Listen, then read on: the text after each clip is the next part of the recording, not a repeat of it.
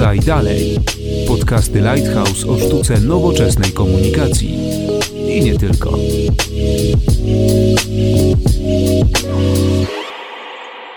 Dzień dobry, Konrad Domański. Zapraszam na 29 odcinek podcastu Lighthouse Podaj Dalej, w którym porozmawiamy o zmianach, jakie zachodzą na rynku pracy, a przede wszystkim na linii pracownik-pracodawca.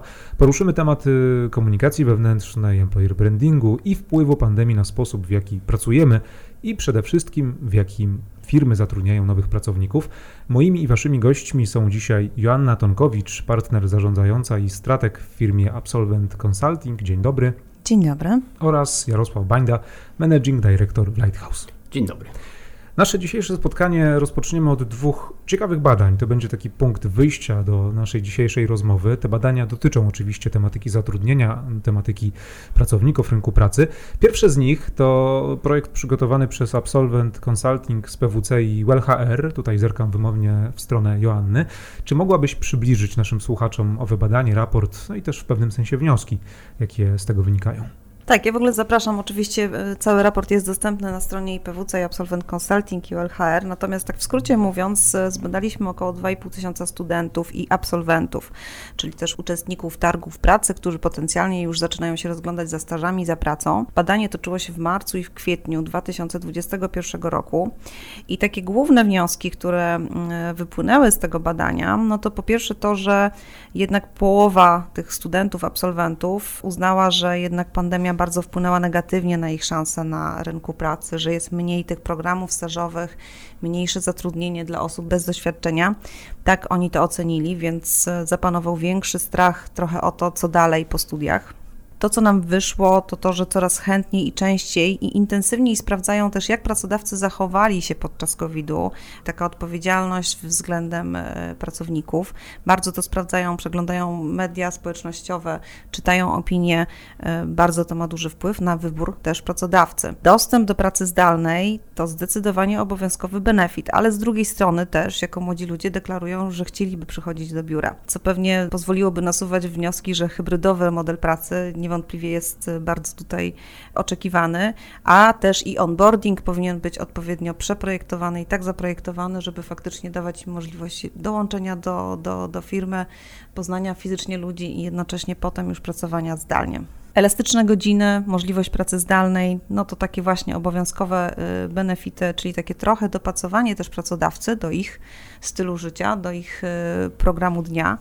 Natomiast też sukces zawodowy dla prawie 40% badanych to wciąż praca, która daje, która jest pasją, połączeniem z pasją co też jest pewnym sygnałem dla zawodów, które jakby tej pasji trudno tam się doszukać i też to słyszymy od klientów, że faktycznie no ta praca musi przynajmniej dawać mi jakiś fan albo w jakiś sposób przyjemność. Oczekiwania finansowe wzrosły, co też widzimy generalnie na rynku. Może niedużo, bo versus poprzednie badanie to jest 500 zł, niemniej takie osoby bez zupełnego doświadczenia chciałyby 4,5 tysiąca na rękę przy pierwszej pracy, a też wolałyby pracować na umowę o pracę, co jest innym mhm. wynikiem niż w poprzednich latach, gdzie umowy B2B były też bardzo dla młodych ludzi ok ale widocznie to daje im większe poczucie bezpieczeństwa, co pewnie łączy się z tym pierwszym wnioskiem, że czują się zagrożeni. To tak w skrócie o badaniu. Może jako pracodawca, Jarek, chciałbyś troszkę skomentować te wyniki, jak wygląda Twoja perspektywa rynku pracy, zatrudniania pracowników? Ja myślę, że. że młodych to, zwłaszcza, bo tak, mówimy o młodych w tym badaniu. Że to potwierdza chyba nasze obserwacje, jeśli chodzi o codzienne działanie w biznesie.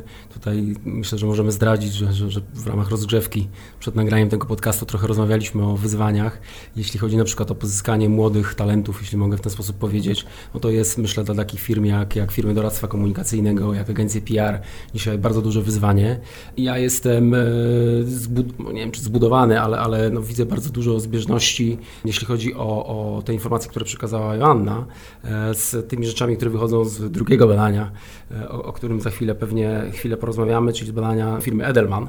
A mianowicie chodzi o e, rosnące znaczenie wartości pewnego współdzielenia pomiędzy pracownika i pracodawcę, przekonań, opinii, poglądów, jeśli chodzi o ważne społecznie sprawy, takie jak na przykład kwestie związane ze zmianami środowiskowymi, ze zmianami klimatu, z równym traktowaniem ludzi, z prawami człowieka.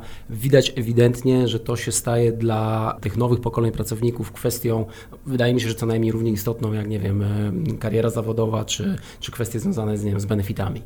No to myślę, że już skoro zacząłeś przybliżać to badanie, to dobra okazja, żeby, żeby trochę wyników też upublicznić, że tak powiem. Okej, okay, no to myślę, że, że, że badania Delmana dotyczących szeroko rozumianego zaufania jakoś e, mocno przedstawiać nie trzeba, bo już w podcastach Lighthouse na ten temat kilka razy rozmawialiśmy.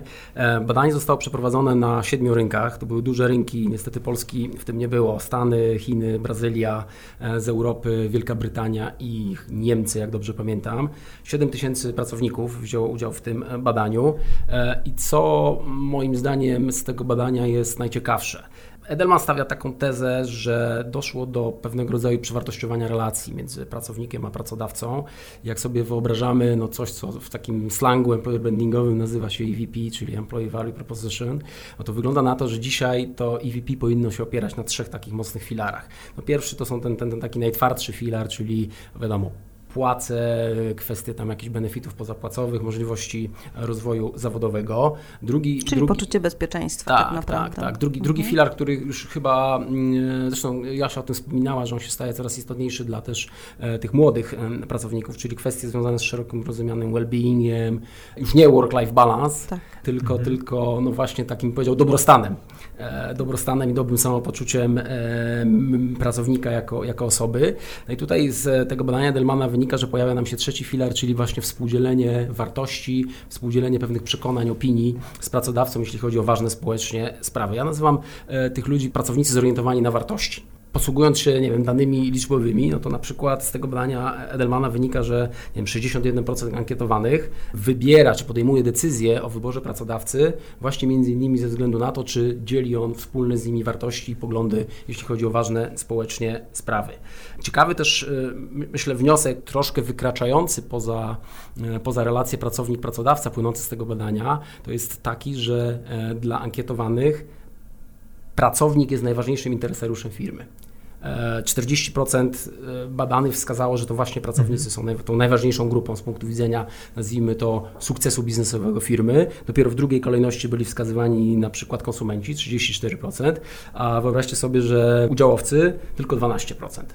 No więc widać ewidentnie, że, że rola pracowników e, w ogóle w strategii biznesowej, e, rola zasobów ludzkich, wydaje mi się, no, przez te ostatnie dwa lata pandemii diametralnie wzrosła i myślę, że to jest taki duży adres do, do pracodawców, w jaki sposób sobie z tym e, zjawiskiem poradzić. I tutaj włącza mi się od razu taki komentarz, że jakby czuję się takim ewangelistą, bo e, nie widać tego na polskim rynku, jakoby pracownicy byli pierwsi, szczególnie w działach marketingu, komunikacji, która tak naprawdę najczęściej wychodzi na zewnątrz i tam cały czas słyszymy, że kup pan produkt, bo dobry i tani, prawda?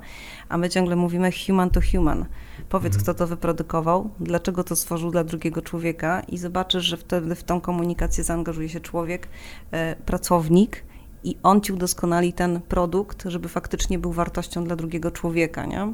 Takie human to human podejście, super istotne, zaczyna powoli, powoli funkcjonować moim zdaniem na polskim rynku. Mhm. Znaczy jest jeszcze moim zdaniem jedna rzecz, o której mówiłaś, która wyszła z waszego badania, mhm. która się potwierdza w tym, w tym badaniu Delmanowym, proces weryfikacji informacji na temat pracodawcy przez pracownika.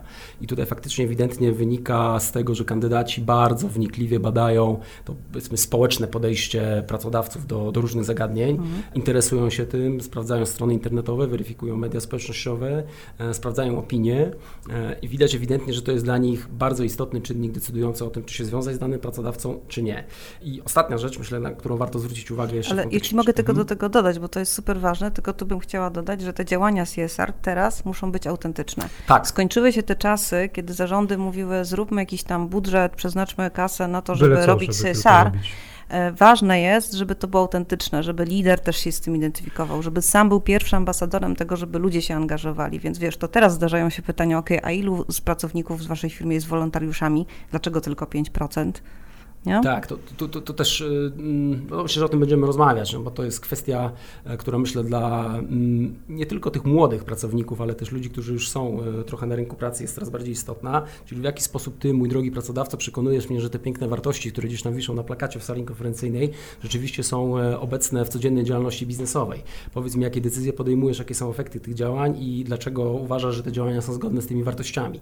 Jeszcze zmierzam tylko do tych pracowników zorientowanych na wartości, bo z tego badania jest znacznie wynika możliwe, że to są bardzo wartościowe osoby dla firmy. E, słuchajcie, 76% tego typu pracowników poleca usługi i produkty swojego pracodawcy innym i to jest na pewno ta dobra strona tego medalu.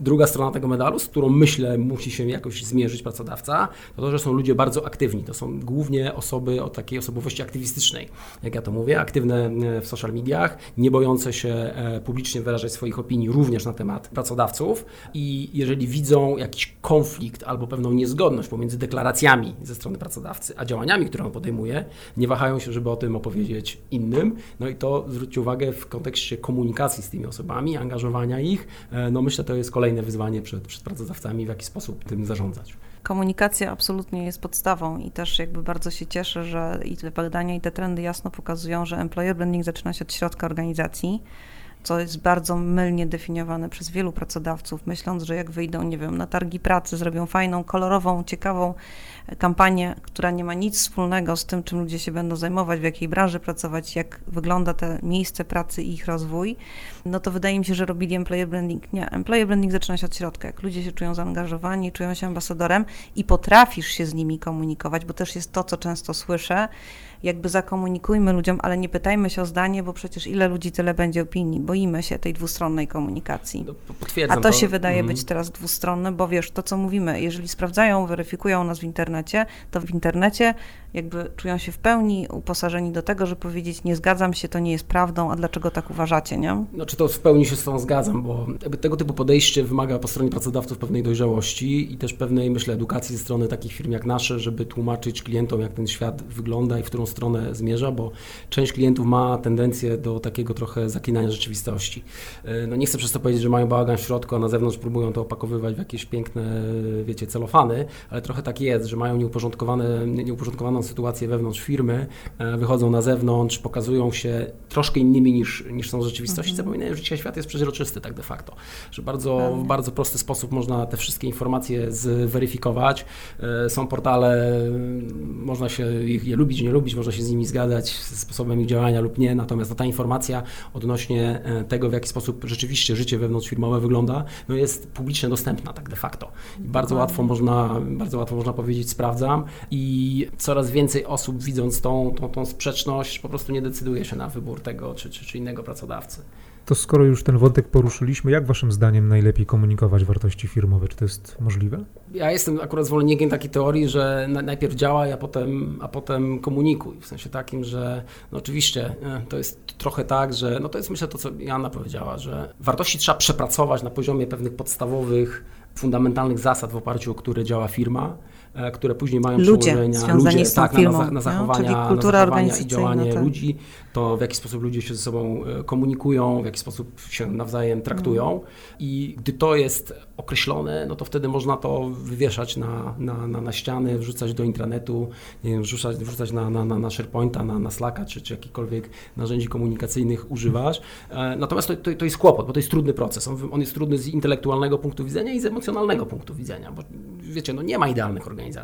E, w każdej firmie zdarzają się trudne tematy i, e, i one wymagają pewnego przepracowania. W związku z tym ja stawiam taką tezę, że czasami od tego uciekamy, mówię o, o, o biznesie i próbujemy uciekać w opakowanie, właśnie jakieś kolorowe plakaty, infografiki itd., tak itd. Tak to wszystko jest ważne, potrzebne, ale niewystarczające. Ja bym powiedziała, że z mojej perspektywy idealny proces e, organizacji, która działa na wartościach, to jest przede wszystkim to, że wartości wypracowujemy razem i jesteśmy my jako zespół świetnym dowodem na to i też zdarza nam się z takimi klientami pracować, że siadamy z ludźmi, wypracujemy, wypracowujemy z nimi system wartości. Wtedy go można faktycznie trochę oplakatować i powiedzieć, o to są nasze transparenty.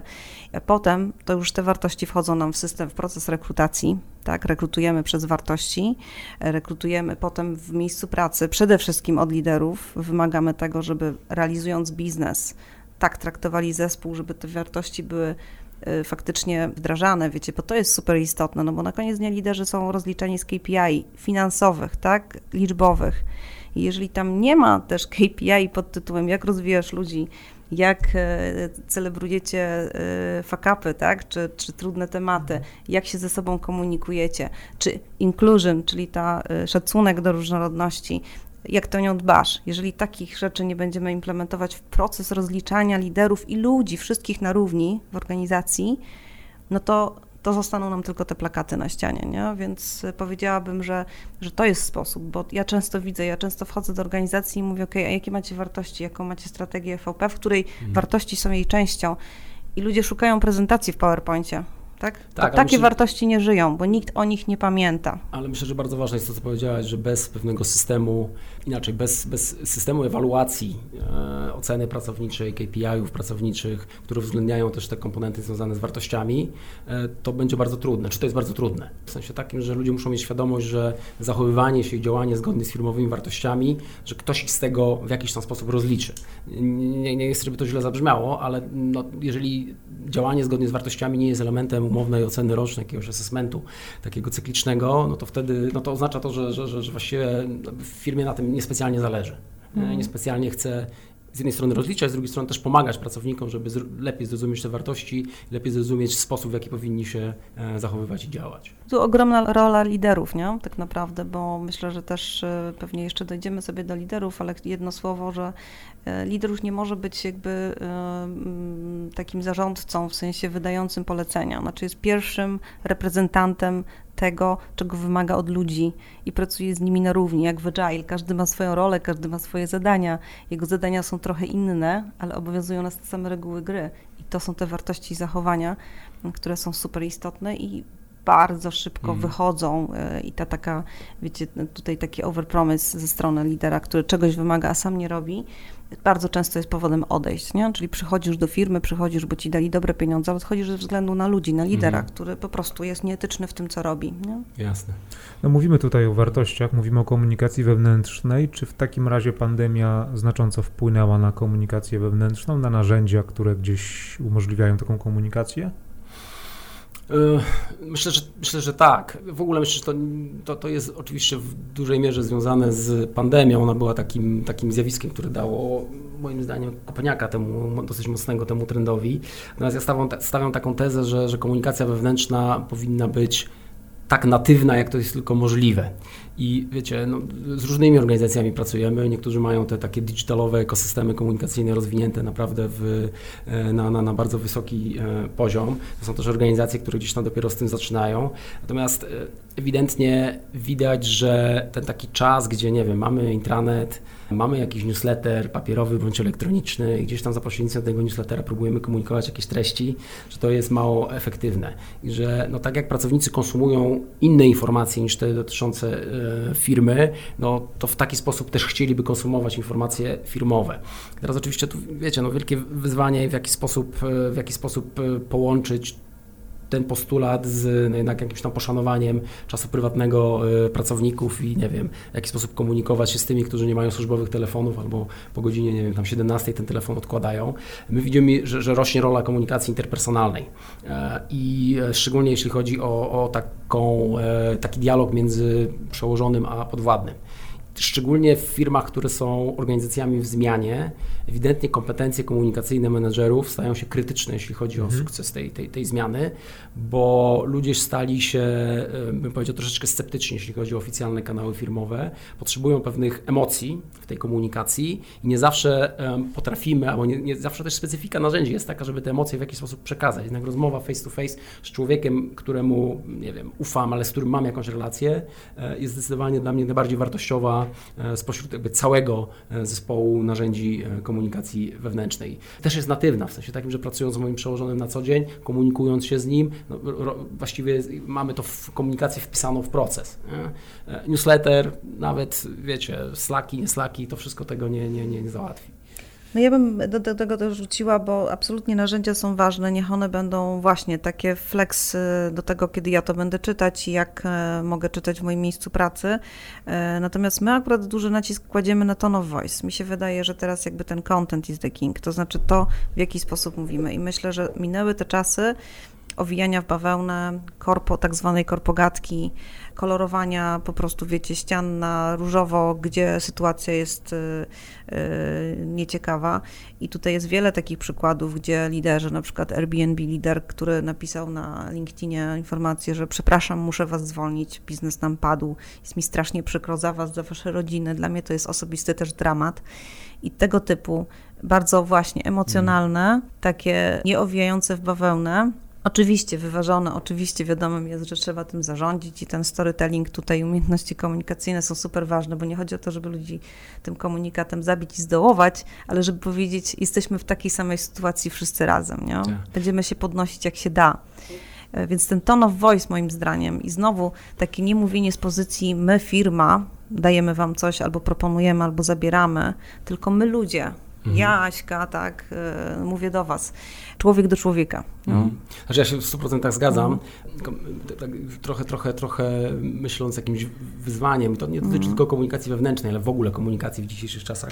Takie mam wrażenie, że się zderzają dwa, dwa przeciwstawne mm, zjawiska, czyli z jednej strony jednak potrzeba autentycz- autentyczności, e, no bo, bo o tym jakby rozmawiamy, że ta komunikacja musi być dzisiaj autentyczna, bo inaczej jest niewiarygodna, ale z drugiej strony jednak potrzeba kontroli. I tak jak patrzymy, w jaki sposób część naszych klientów próbuje nie wiem, budować relacje z dziennikarzami czy z innymi, e, z innymi interesariuszami, no to chcieliby być uwielbiani, chcieliby, prawda, żeby tej historie się gdzieś tam e, na zasadzie word of mouth rozchodziły, a jednocześnie chcieliby mieć 100% kontroli e, nad tym, co o nich ludzie inni mówią. I to jest chyba nie do pogodzenia. To jest nie do pogodzenia. Trzeba oddać kawałek kontroli na rzecz właśnie bycia autentycznym. Oczywiście ta autentyczność musi być w Trzeba się sposób... nauczyć odpowiednio moderować dalszą dyskusję, Tak, ale tak, trzeba tak. umieć wchodzić w dyskusję, To- a to- nie jednostronnie komunikować. Nie? Oczywiście, no to, to kwestia, kwestia już Mhm. samo, samo, myślę, wyciągnięcie ręki i zaproszenie do dialogu już jest, już jest wartością, już jest pewnym- Strasznie trudno w miejscach pracy. Ilekroć przychodzimy i mówimy, jakby zapytajcie ludzi, to nie, bo tych ludzi jest dużo i każdy będzie miał inną opinię, a potem oczekiwania. Ja mówię, nie, to wcale nie musi tak wyglądać, ale przestrzeń do tego, że ludzie mają prawo się wypowiedzieć, co o tym myślą, a my wyciągniemy dwa, trzy wnioski z tego, jest i tak dla nich dużą wartością. I naprawdę to jest game changer po prostu, jeśli to się udaje. Słuchajcie, no to, to taki przykład, nie- na nazwy firmy nie mogę zdradzić, to jest firma przemysłowa, zlokalizowana po, poza Warszawą, tam zatrudnia 2000, 2000 osób, którzy, no, ciężka praca generalnie do, do, do wykonania. E, No myśmy tam zostali zaproszeni do, do, do projektu właśnie związanego z zarządzaniem zmianą, gdzie bardzo ważnym komponentem była oczywiście komunikacja wewnętrzna, no i tam zaczęliśmy rozmawiać o jakiejś strategii z zarządem, no i tak pytamy, słuchajcie, no ale jakby co ludzie myślą, jaka jest sytuacja, jakie są nastroje. No to wiecie, wielkie zdziwienie. Ja mówię, no słuchajcie, no, no, trzeba pójść na, na, na, tą halę i z tymi ludźmi po prostu pogadać. Przerażenie najpierw w oczach, a potem no, ta narracja, którą chyba, która jest chyba najwygodniejsza. Nie, bo to wiecie, każdy ma inne zdanie, zhejtują nas, wiadomo, że się nikomu nic nie podoba, jest bez sensu. Słuchajcie, no, udało się namówić, porozmawialiśmy z kilkudziesięcioma osobami i od wszystkich pierwsza informacja, która nas dotarła, była taka: Jezu, wreszcie ktoś nas o coś pyta. Wreszcie ktoś z nami rozmawia i pyta, czego my potrzebujemy, a nie mówi nam, czego potrzebuje firma. Więc już samo wyciągnięcie, jak mówię, ręki do rozmowy wydaje się ruchem w dobrym kierunku. No my mamy teraz takiego też taki projekt, zrobiliśmy badanie rynku pracy konkretnego jakby zawodu dla naszego klienta z y, obszaru ubezpieczeń i to, co pięknego się wydarzyło, to to, że zespół projektowy uwierzył jakby w ten komunikat human to human, jakby pogadajmy o tym z ludźmi. Więc y, poszliśmy do zarządu z tym, słuchajcie, prezentacja też jakby raport w ogóle, badanie i wnioski zostały super przyjęte, są dalsze działania. I chyba będę już piąty raz prezentować ten raport, po to, żeby jak najwięcej ludzi miało okazję się, wiecie, wypowiedzieć i powiedzieć, Mhm. ok, to teraz co ja mogę zrobić w ramach swojego miejsca pracy dla tych ludzi, żeby to było lepsze miejsce pracy, nie? Mhm. Czyli wciągamy po prostu w komunikację, w takie poczucie odpowiedzialności, bo to jest też ta odpowiedzialność, nie? Mówiliśmy wcześniej Tak. o tym CSR-ze, a czasami wystarczy spojrzeć na swoje ogródek i powiedzieć, ok, co my tu w ramach Mhm. tej społeczności, tych tysiąca, tych dwóch tysięcy pracowników, możemy zmieniać na lepsze, nie? Bo to jest też to, co COVID zmienił. No to jest taka pewna optymalizacja, wiecie, szacunek do czasu, cały czas reskilling, czyli uczenie się nowych kompetencji, no bo y, wszystko się digitalizuje, zmieniają się narzędzia, zmieniają się zawody. Część tych zawodów, które są teraz, ich nie będzie już za chwilę, o czym już się zaczyna komunikować, patrz górnictwo i tak dalej, nie? Jest wiele takich zawodów, których gdzieś po prostu nie będzie już Mhm. za 10 lat. To, to, No tak. tak? Czyli jakby tutaj, e, nie wiem, patrzmy na rewolucje przemysłowe. Między Industry 1.0 a 2.0 minęło tam 150 lat, nie? Między 2 a 3 jakieś niecałe chyba 100, a potem między 3 a 4 niecałe 50. Ta, no, Tak? właśnie kwestia I kwestia... mamy wszystkie pokolenia Mhm. na pokładzie, wiecie, i ludzie po prostu jakby pamiętają te stare czasy, atakują ich nowe, a jak wiemy, my ludzie nie jesteśmy gotowi. Znaczy zmiana jest bardzo ciężką pracą dla naszego mózgu. Cały czas muszę po prostu przetwarzać wszystkie moje kotwice, wszystkie moje standardowe działania jakby się zmieniają, tak? Cały czas muszę coś e, nowego uczyć się e, inaczej, więc w ogóle reagowanie na zmianę myślę, że jest taką największą kompetencją i pracodawców, i ludzi nas. Czy myślicie, że gdyby nie pandemia, to tak bardzo by się ten rynek zmienił, ogólnie rynek pracy? Czy waszym zdaniem, no to już w sumie postępowało też przed pandemią, że bardziej na znaczeniu zyskiwał pracownik, a nie pracodawca w wielu sytuacjach, ale czy, czy waszym zdaniem pandemia to przyspieszyła jakoś tak o kilka, kilkanaście lat wręcz, że teraz to zupełnie inaczej to wygląda? Zmienił się styl pracy, zmienia się podejście do pracownika? Wiesz co, podobno mówi się, że już nie ma rynku pracodawcy i pracownika, jest po prostu rynek pracy mhm. i poniekąd się z tym zgadzam. Myślę, że COVID absolutnie wywołał wiele e, rewolucji. Na pewno dużo firm zbankrutowało w tym czasie, ale takie korzyści, które widzę, to rzeczy niemożliwe stały się możliwe. To, co się wydarzyło w komunikacji wewnętrznej, właśnie to, że zespoły się przeniosły do pracy zdalnej, że się nagle okazało, wiesz, pamiętam case jednego klienta, który mówił, że już mieli całą kampanię zaplanowaną, jak się przeniosą na Teamsy, ogromny budżet na to, żeby, wiecie, kampania wewnętrzna, że to fajne, potem szkolenia ludzi, żeby wdrażać w te Teamsy. Przyszedł COVID i w dwa tygodnie sami się nauczyli, nie? Mało tego, teraz nie chcą wrócić do innych spotkań, bo to jest efektywne, nie? bo pracuje się szybciej, bo można, nie trzeba, nie wiem, dojeżdżać, chodzić z piętra na piętro, po prostu włączasz się, e, szybko rozmawiamy na temat, kończymy, lecimy dalej z tematami, nie? Ciemną stroną jest tego oczywiście, że spotykamy się dużo więcej, tych spotkań mamy dużo więcej, więc de facto w tych 8 godzinach pewnie mieścimy dobre 20, nie? Jakby tak się zastanowić przez tą taką efektywność.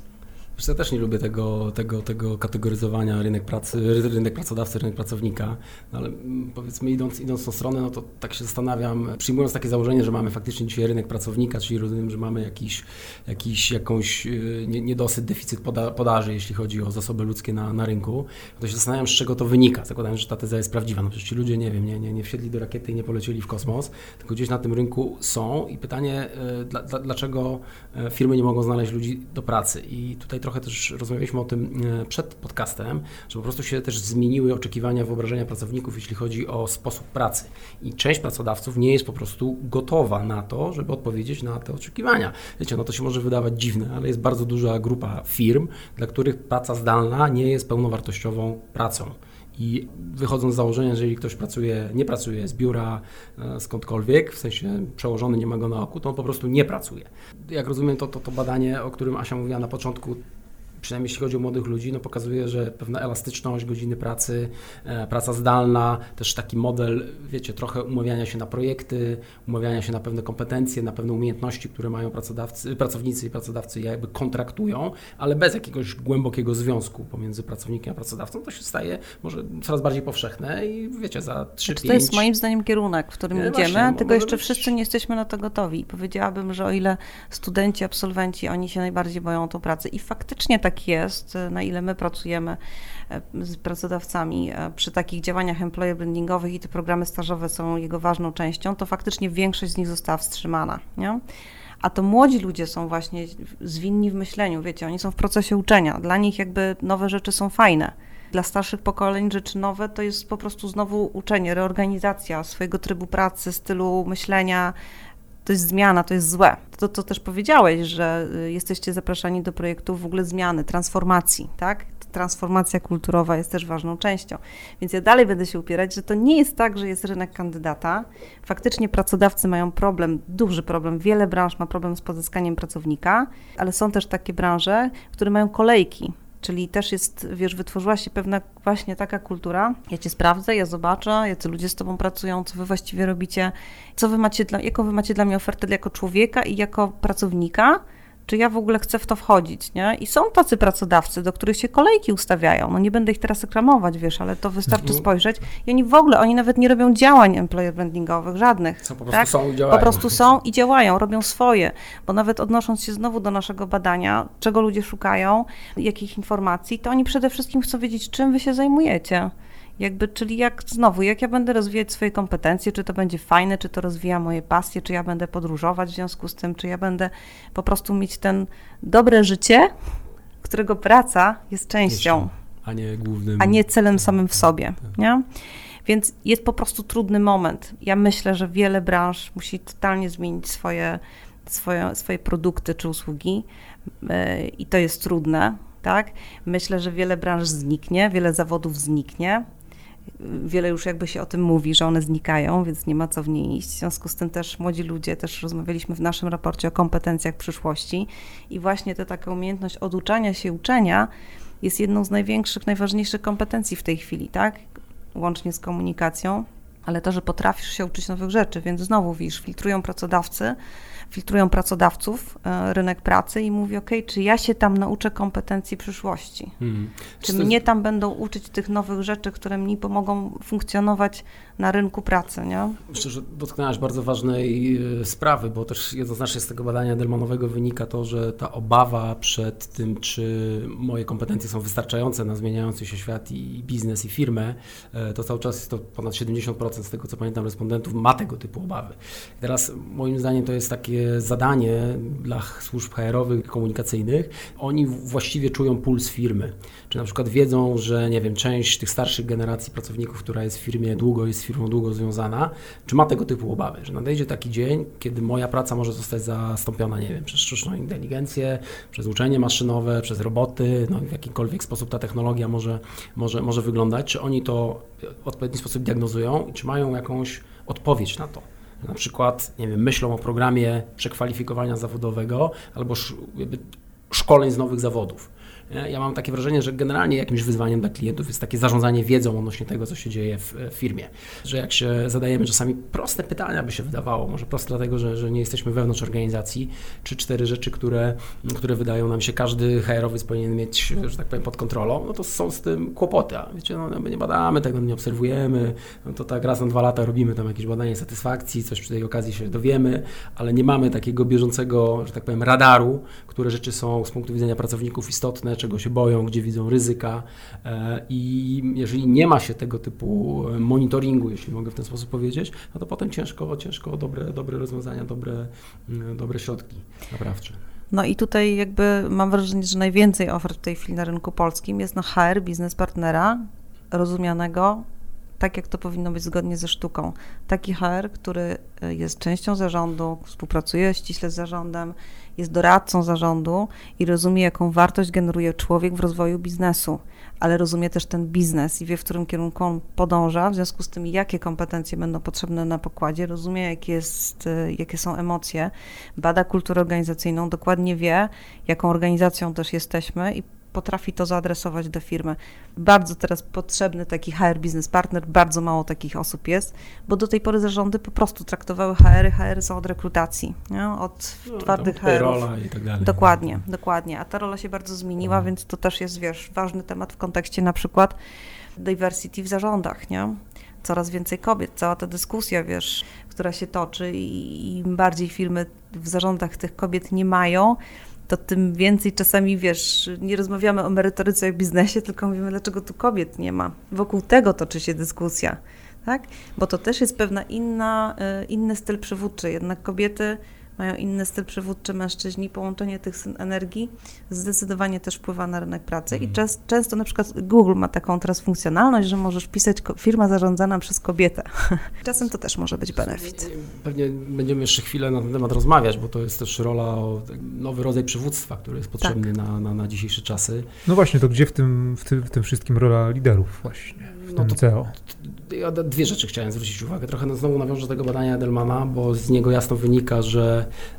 jeśli chodzi o budowanie zaufania pomiędzy pracownikiem a pracodawcą, no to CEO, prezes zarządu, który w swoich codziennych działaniach i zachowaniach manifestuje wartości, to jest absolutnie numer jeden.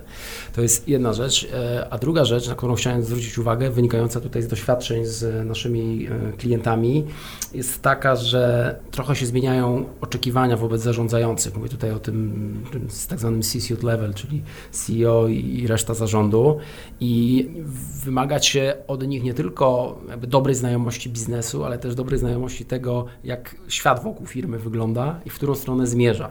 I wiecie co, no bylibyście zaskoczeni, jak e, zamknięci, jak e, by powiedział, dziwne czasami wyobrażenia o tym, jak świat wygląda, mają członkowie zarządu niektórych firm.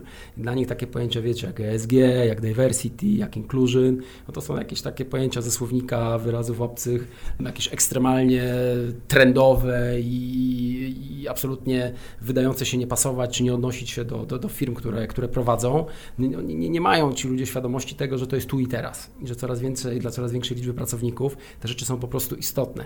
Wiecie, my coraz więcej... Ba, są super zdziwieni, że ludzie mogą co roku pracę zmieniać, No, nie? Że tak, jak to w ogóle, wiecie to ty co, i my- 20 lat w jednej firmie nie pracujesz? My, my, my zanim zaczniemy coś robić takiego konkretnego, na przykład jeśli chodzi o komunikację wewnętrzną z HR-ami czy ze służbami komunikacyjnymi, e, to jak, jak czujemy, że to może być tego typu organizacja, to mówimy, hej, słuchajcie, ale za, zanim pójdziemy krok dalej, musimy otworzyć zarząd na nowe rzeczy, bo y, jeżeli zarząd nie zrozumie tego, jak dzisiaj świat wygląda, to bardzo ciężko będzie nam prze, przepracować czy przeprocedować na poziomie decyzyjnym jakieś nasze pomysły. Więc coraz więcej jakichś takich sesji otwierających, sesji inspiracyjnych, pokazujących trendy. Dużo mówimy właśnie o, o, o tych kwestiach związanych z, z ESG, dużo mówimy właśnie o kwestiach związanych z tym tak zwanym, jak to się mówi po angielsku, DEI, czyli Diversity, Equity, Inclusion. E, to, to, to nie są rzeczy z kosmosu, one się dzieją tu i teraz no, i, i część, część zarządów o tym, o tym po prostu nie wie. Tak, no dokładnie, w, szczególnie w kontekście tego, no, mówi się, że już diversity to raczej fakt, inclusion to jest jakiś wybór i tak naprawdę wielka, e, wielka lekcja dla biznesu. Jak, e, jak włączyć, jak w ogóle włączyć ludzi w proces tworzenia tej wartości, wysłuchać. Wiesz, ja się nie dziwię liderom, na koniec dnia oni też zostali wychowywani w takich organizacjach, gdzie im po prostu powiedziano, czy mają się zajmować i kontynuują jakby tą edukację, więc wydaje mi się, że chyba najtrudniejsza zmiana to zmiana mindsetu. I to jest teraz taki wielki proces, który muszą przejść e, liderzy, nie? Otworzyć się na ludzi, Dlatego ja, ja stawiam zejść, wyjść z Tak, pokoi, wyjść oczywiście. na open space.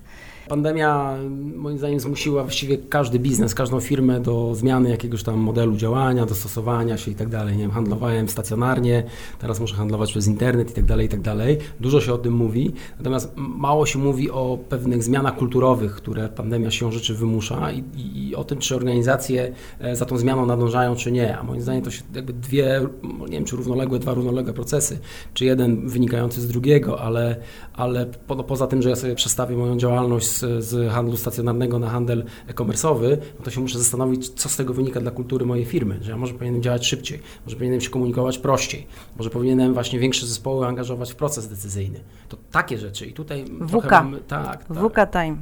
No więc Zarządzanie właśnie. WK, nie? czyli wywodzące się kiedyś jakby z, z wojska, w tej chwili mocno weszło do biznesu, czyli jakby zrozum, jaki masz cel, włącz w ten proces ludzi, kieruj się wartościami i podejmuj decyzje, podejmuj ryzyko, podejmuj działania, em, ale rób to z ludźmi. Nie? No właśnie, a tu, tu mamy jakiś problem. Ja nie wiem, czy to jest polska specyfika, czy, czy, czy nie, no ale jesteśmy tam jakoś, z, mówi się dużo u nas o tej kulturze folwarcznej, jednak bardzo takim hierarchicznym podejściu do, do, zarządzania. I mamy trochę kłopot z oddaniem e, kontroli i z zaproszeniem e, ludzi do, do, do, do, do dyskusji. To trochę też wynika, że u nas do pewnego momentu autorytety głównie wynikały z tego, co się ma na, na wizytówce, a nie z rzeczywistych dokonań, doświadczenia i, i kompetencji. I część ludzi, część zarządzających ma z tym jakiś kłopot. Nie chcę tego nazywać jakimiś tam kompleksami i tak dalej, ale boją się dialogu, bo boją się weryfikacji. I bez przełamania tego w głowie, że nie muszę być mistrzem świata we wszystkim, że po to mam zespół, żeby czerpać z niego to, co najlepsze i dawać im, że tak powiem, poczucie, że, że są uczestnikami aktywnymi, a nie tylko biernymi jakiegoś procesu, to bez tej zmiany mentalnej myślę, że bardzo będzie ciężko dostosować się do nowych warunków. Nie tylko e, prowadzenia biznesu, ale w ogóle życia. Myślę, że idealnie podsumowaliście to, o czym dzisiaj tutaj rozmawiamy w naszym podcaście. Oczywiście też e, raporty, których tutaj dzisiaj więcej było, podlinkujemy w opisie, więc będziecie mogli się spokojnie z tymi raportami zapoznać. E, Dzisiaj o rynku pracy, o pracodawcach, pracownikach, o tym, że pracownicy weryfikują, pracodawcy muszą się dostosowywać do no, nowych nowego otoczenia, nowych sytuacji. Moimi i waszymi gośćmi byli Joanna Tankowicz, partner zarządzająca i strateg w firmie Absolvent Consulting. Dziękuję. Dziękuję bardzo. Oraz Jarosław Bańda, Managing Director w Lighthouse. Dziękuję. Dziękuję bardzo. Konrad Domański, do usłyszenia w kolejnym odcinku podcastu Lighthouse. Podaj dalej. Spodobał Ci się nasz podcast?